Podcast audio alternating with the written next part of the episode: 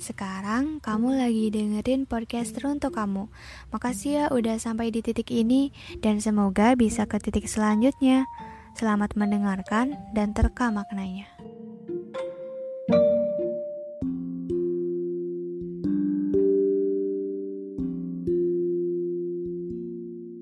Sesudah Pak Iqbal membicarakan itu, ia langsung pergi dan menghilang. Kini, bila ada orang yang menghilang atau apa, Ginta tidak kaget kembali karena ia sudah tahu semuanya bahwa ini cuma mimpi. Ginta pun pulang ke rumahnya dan tidur seperti biasa karena sudah larut malam. Keesokan harinya adalah hari yang ditunggu-tunggu oleh Ginta karena Bijun akan mengatakan sesuatu dan kata depan dari itu adalah perlombaan. Di pagi harinya, Ginta langsung bergegas ke stasiun yang atapnya tertutup sehingga tidak panas. Bijun, Tere, dan juga Poppy sudah ada di stasiun. Yang membuatnya aneh lagi di sana ada Bijan. Ginta kaget sekali melihatnya. Eh Bijun, kok ada Bijan di sini sih? Ada dong Gin, maaf ya sebenarnya Bijan gak bener-bener mati kok. Kita cuma nguji kamu aja, supaya kalau kehilangan Bijan di kehidupan nyata, kamu gak bakal sedih lagi. Ah, bener-bener ya emang kalian tuh ngerjain aku semua. Ternyata mimpi itu nggak bisa dikendalikan ya sama aku. iya, Gin. mimpi ini tuh kita yang ngatur. Udah deh, aku udah jadi bendera putih aja sekarang. eh, gimana nih, Gin? Ada Bijan, perasaan kamu gimana? Ya, biasa aja sih, kayak teman biasa. Aku sekarang udah jadi ahli mengikhlaskan. Bagus deh, itu sesuai banget sama perkiraan kita. Terus sekarang mau ngapain nih? Poppy pun menjelaskannya. Gini, Gin. Jadi, sekarang itu kamu harus ikut perlombaan perlombaan perlombaan buru deh pop kesel banget sih perlombaan tahan banting di bully. Wait, wait, aneh banget kok perlombaannya tahan banting di bully sih, Pop? Ya karena mimpi ini kan mimpi yang paling berkesan dan bikin kamu jadi bisa memperbaiki diri kan.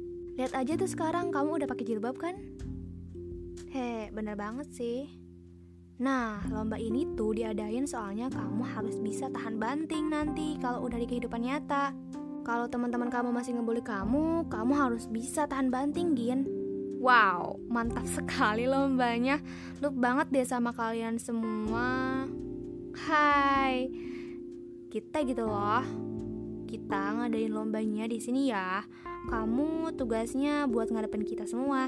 Nanti kita bully kamu ya, Gin. Sampai kapan? Sampai juhur ya, Gin. Oke, kita mulai ya.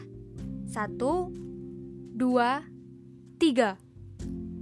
Semua suasana yang tadinya riang gembira, sekarang Bijun, Bijan, Tere, dan Poppy pun mulai acting. Mereka memperlihatkan muka yang sinis, sedangkan Ginta duduk-duduk saja di tempat duduk yang ada di stasiun. Ginta merasakan hal ini seperti bukan pura-pura, karena memang ia juga ketakutan melihat teman-temannya ini berubah 180 derajat menjadi ganas. Sekarang, mereka berhadapan satu sama lain, satu berbanding empat orang. Poppy langsung mendekat dan menarik baju Ginta dengan kedua tangannya. Eh Ginta, lo tuh gak pantas hidup di sini. Segala pakai kayak ginian lagi. Gak sesuai banget sih lo, Sasuci. Gue juga tahu lo itu kan cuma pamer doang kan.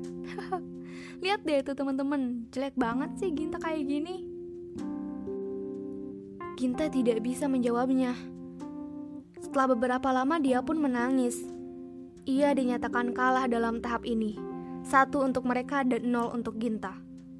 Pada saat tadi, Bijan memfoto Ginta yang sedang menangis dan mereka mengunggahnya ke sosial media dengan caption Ginta menangis karena diajak bicara oleh Poppy. Ginta geram melihat itu semua. Ia mengkomen postingannya, tapi tidak ada satupun orang yang mendukungnya. Ia pun menangis kembali. Itu tandanya dia masih nol dan dua untuk mereka. Yang terakhir yaitu mereka semua mengolok-olok Ginta dengan sebutan cewek dekil, sampai membuat Ginta menangis kembali. Ginta pun sudah pasrah, dan dia tidak tahu harus bagaimana. Dia pun dinyatakan kalah dalam ronde pertama ini, dan mereka menang. Suasana berubah menjadi kembali riang gembira, tapi Ginta masih menangis. Gin, udah dong, kan udahan, jangan nangis terus. Iya kan, aku nggak bisa lawan kalian. Tenang, masih ada ronde kedua kok besok. Pokoknya kita mau kamu bisa hadapin kita semua sampai kamu menang. Sahut Poppy. Hmm, iya deh. Mereka semua pun menghilang dan Kinta malah masih sedih. Ia pun pergi ke kafe untuk beristirahat sendirian. thank you